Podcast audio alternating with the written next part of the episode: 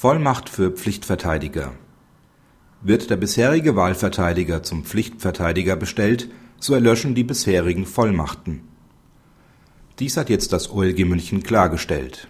Der Fall betraf eine Berufungsverhandlung, in der statt der Angeklagten nur ihr Pflichtverteidiger erschien, der in der ersten Instanz noch als Wahlverteidiger tätig war. Nach Ansicht des OLG war die Angeklagte nicht wirksam vertreten, weil der Pflichtverteidiger nicht über die nach § 411 Absatz 2 StPO erforderliche besondere Vertretungsvollmacht verfügte.